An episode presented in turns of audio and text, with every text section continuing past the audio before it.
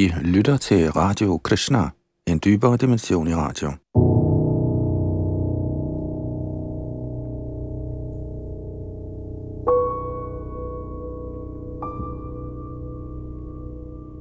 Vi er nået til 8. morgenvandring i bogen Liv kommer fra liv, som indeholder 16 morgensbaserede ture, hvor vi øh, hører Shrita Prabhupada tale med sine disciple over forskellige emner, især den moderne videnskab, som Shalila Prabhupada sagde var et svindelnummer, og at videnskabsmændene var en flok slyngler. Noget, som vi her på redaktionen også kan tilslutte os, og her i den 8. morgenvandring, som er optaget den 11. maj 1973, hvis dette have spredt nær Los Angeles, bliver Shalila Prabhupada ledsaget af Dr. Singh og andre af hans elever. Dr. Singh er uddannet inden for videnskaben, men er Prabhupads disciple. Men i disse her diskussioner hvor han altså bliver henvist til som Dr. Singh, og ikke som Svarup Damodar Goswami, som er hans åndelige navn.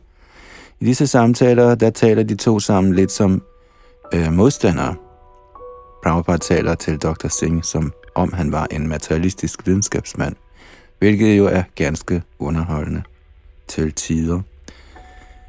Det er Yadunandan, deres bag mikrofon og teknik.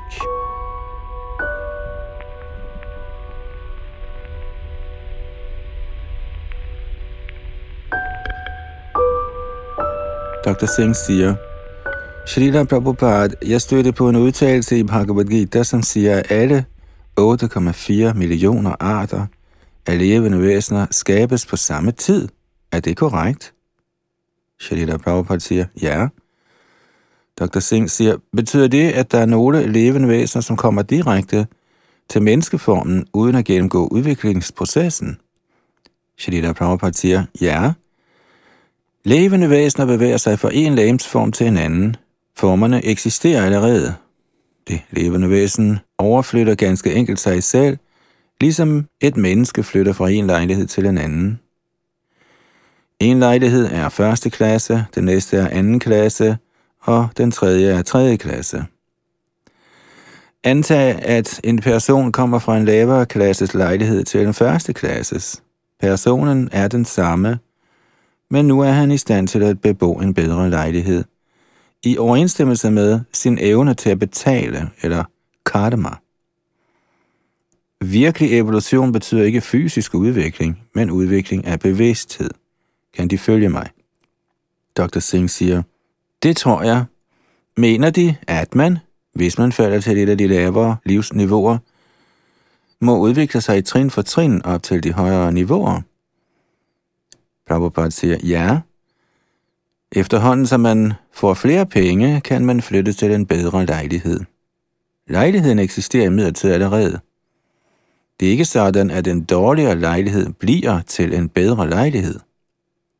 Det er Darwins forvrøvlede teori. Han ville sige, at lejligheden havde udviklet sig til første klasse. Moderne videnskabsmænd tror, at liv er kommet af materien. De siger, at der for i millioner og millioner af år siden kun var materien, men intet liv. Det accepterer vi ikke af de to energier, liv og materie eller liv og stof. Er liv eller ånd den oprindelige overordnede energi, og materien er den resulterende lavere energi.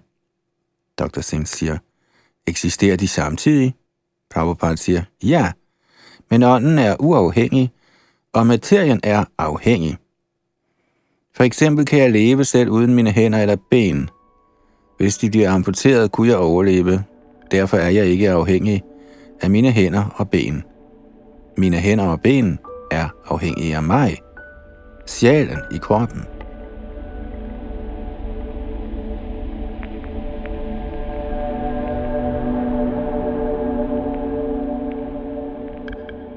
Dr. Singh siger, men bliver liv og stof til samtidig? Prabhupada siger, nej, de bliver slet ikke til. De eksisterer allerede. Begrebet blive til eksisterer i vores sind, fordi vi lever i denne begrænsede verden, hvor vi ser, at alting har en begyndelse. Derfor tænker vi i begreber som, at ting bliver til. Men i virkeligheden eksisterer ånd og materie allerede. Når jeg bliver født, tror jeg, min fødsel er verdens begyndelse, men verden eksisterer allerede. Et andet eksempel er ild. Når man tænder en ild, kommer lyset og varmen der senere? Nej. Lige så snart man tænder ilden, kommer der øjeblikkeligt lys og varme.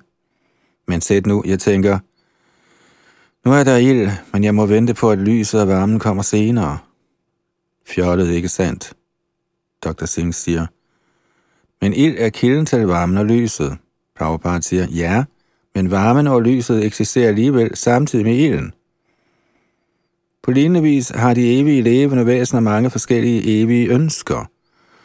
Og alle de forskellige arter eksisterer også for evigt, for at passe til de forskellige evige ønsker. Dr. Singh siger, vil det sige, at de levende væsener tvinges til at leve i forskellige kroppe i overensstemmelse med deres ønsker? Prabhupada siger ja. For eksempel opfører regeringen et fængsel, fordi den ved, at der vil være lov overtrædere. Så når en lov overtræder kommer for retten og dømes, eksisterer fængslet allerede, selv før afsoningsperioden. Ligeledes beskrives Gud som Sarvagnya, det vil sige han, som ved alting. Derfor ved han, at nogle levende væsener vil overtræde loven og gøre oprør mod hans tjeneste. En videre kender han de forskellige ønsker, som de levende væsener i den materielle verden tilegner sig i overensstemmelse med den materielle naturs tre kvaliteter. Derfor skaber han alle arter i begyndelsen for at huse alle de betingede sjæle –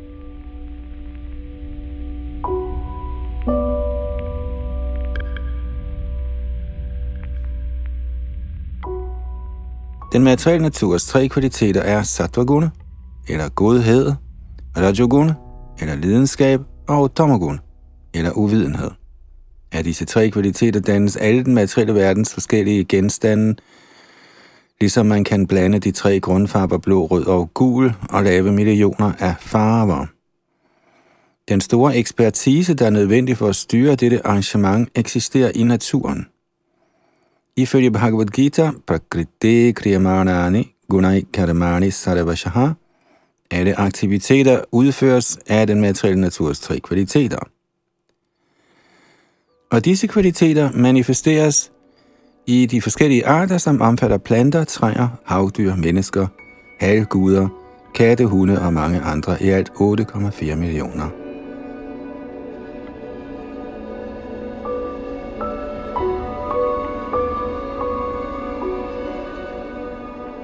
Den højeste herre udvider sig selv til Paramatma eller oversjælen i hjertet på en vær. Skønt denne oversjæl dvæler i den materielle krop, er han ikke materiel, selvom han er den oprindelige kilde til den materielle krop. Fordi varme og lys og solens energier har solen det aldrig for varmt. På samme måde er der ingen forskel på ånd og materie for Paramatma, for både de materielle og de åndelige energier udgår fra ham. Samtidig ser vi, at skyerne dækker solen, men de er i virkeligheden vor ufuldkommenhed. Vi her på jorden oplever både solskin og skydække, men skønt solen kan skabe skyer, erfares der kun solskin på solen. På lignende vis er opdelingen af stof og ånd vor erfaring ikke Guds. Uanset om han kommer i en såkaldt materiel krop eller en åndelig krop, er han altid åndelig. For ham er stof og ånd det samme, for han er kilden til energien. Han kan forvandle materie til ånd og ånd til materie.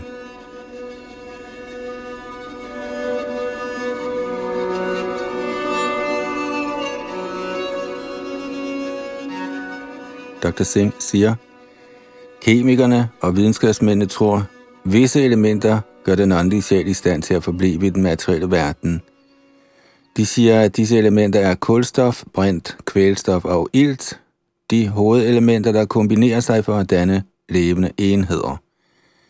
Jeg tror, at vedderne forklarer, at ånd først må træde ind i disse allerede eksisterende kemiske elementer, før en levende skabning kan udvikle sig Er det korrekt? Prabhupada siger, ja. For eksempel indeholder jorden alting, der er nødvendigt for, at en plante kan vokse. Men først må man lægge frø i jorden. På lignende vis har en mor alle de nødvendige ingredienser til at skabe en anden krop ind i sin livmoder, men faren må først indsprøjte sæden eller frøet i morens skød. Der vil barnet udvikle sig. En hund danner en hundekrop, og et menneske danner en menneskekrop. Hvorfor? Fordi alle de henholdsvis nødvendige ingredienser er til stede.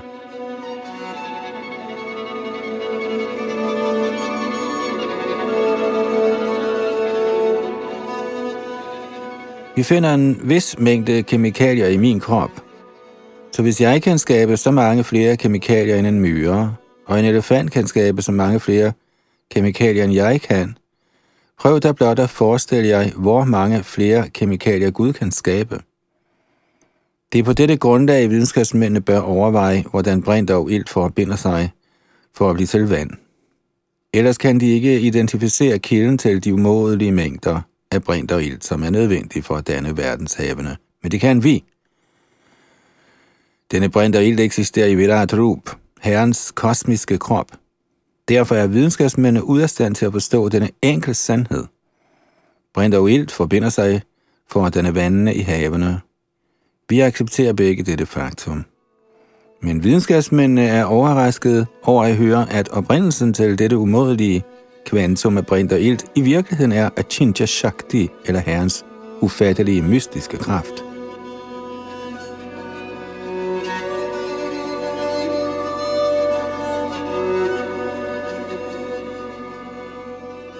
Dr. Singh siger, Jeg har bemærket en uoverensstemmelse i det videnskabelige samfund over definitionen på levende og ikke levende.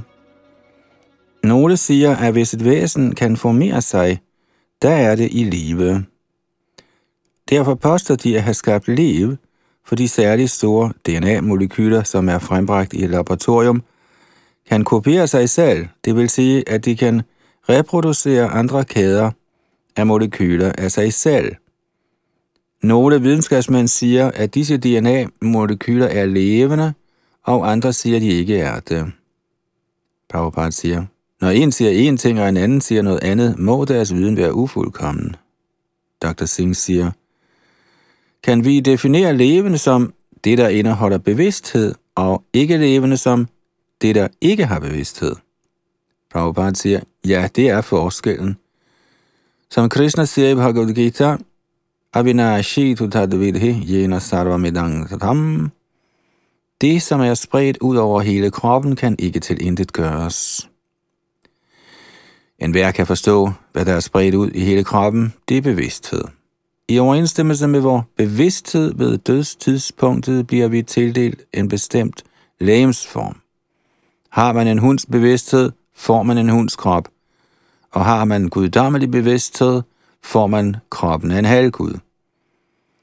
Krishna giver enhver frihed til at få den krop, han ønsker. Yanti deva vrata devan, pitrin yanti pitrivrataha, bhutani yanti bhuteja, yanti madjajino pimam. De, som tilbeder halvguderne, vil fødes blandt halvguderne. De, som tilbeder spøgelser og ånder, vil fødes blandt sådanne væsener. De, som tilbyder forfædrene, kommer til forfædrene, og de, som tilbyder mig, skal leve sammen med mig.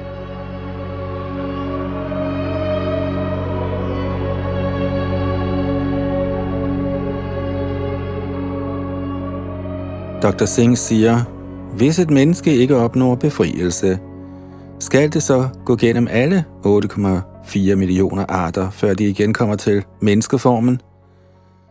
Prabhupada siger, nej. Kun i de lavere livsformer udvikler det levende væsen sig i trin for trin ifølge naturens love. I den menneskelige form er man udstyret med udviklet bevidsthed. Man er i stand til at skælne. Er ens bevidsthed avanceret, får man derfor ikke en hunds eller en kats krop man får en ny menneskekrop. Prabhya punya kritang lokan ushitva shashvati samaha shuchinang shrimatang gehe yoga brashto vijayate. Ordet yoga brashta sigter til en, der dyrkede yoga, som på en eller anden måde ikke kunne fuldføre processen. Evolution kommer ikke på tale her. Han får en menneskekrop igen. Han får ikke en kat eller en hunds krop. Ligesom med de lejligheder, vi diskuterede, kan man betale mere, får man en bedre lejlighed. Man behøver ikke at komme til den dårligere lejlighed først.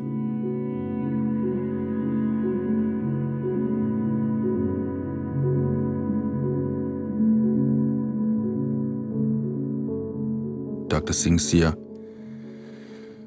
hvad de har sagt modsiger fuldstændig Darwins evolutionsteori. Prabhupada siger, Darwin er en slyngel. Hvad er hans teori? Vi sparker Darwins filosofi ud. Jo mere vi sparker Darwins filosofi ud, jo mere avancerer vi i åndelig bevidsthed. Dr. Singh siger, mange videnskabsmænd tvivler på Darwins teorier, men Darwins tilhængere siger, at livet startede med det fysiske stof har udviklede sig fra encellede organismer til flercellede organismer.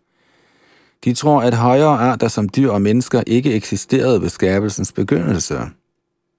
Prabhupada siger, Darwin og hans tilhængere er nogle slyngler. Hvis der oprindeligt ikke var højere arter, hvorfor eksisterer de så nu? Og hvorfor eksisterer de lavere arter fortsat? For eksempel kan vi på nuværende tidspunkt se både den intellektuelle person og det tåbelige æsel. Hvorfor eksisterer begge disse væsener samtidig? Hvorfor har den tåbelige form ikke udviklet sig opad og er forsvundet? Hvorfor ser vi aldrig et menneske fødes af en abe? Darwinisternes teori om, at menneskelivet begyndte på det her det tidspunkt, er noget sludder. Bhagavad Gita siger, at man kan vandre direkte til en hvilken som helst art, man synes om, i overensstemmelse med sine bestræbelser. Samtidig rejser jeg til Amerika, samtidig til Australien og samtidig til Afrika. Landene eksisterer allerede. Jeg rejser blot gennem dem. Det er ikke sådan, at fordi jeg er kommet til Amerika, har jeg skabt eller er blevet til Amerika. Og der er mange lande, jeg endnu ikke har set. Betyder det, at de ikke eksisterer? De videnskabsmænd, der støtter Darwin, er fjollede. Bhagavad Gita siger klart, at alle arterne eksisterer samtidig, og at man kan komme til den hvilken som helst art, man ønsker. Man kan sågar komme til Guds rige, hvis det er, hvad man ønsker. Alt det forklares af Krishna i Bhagavad Gita.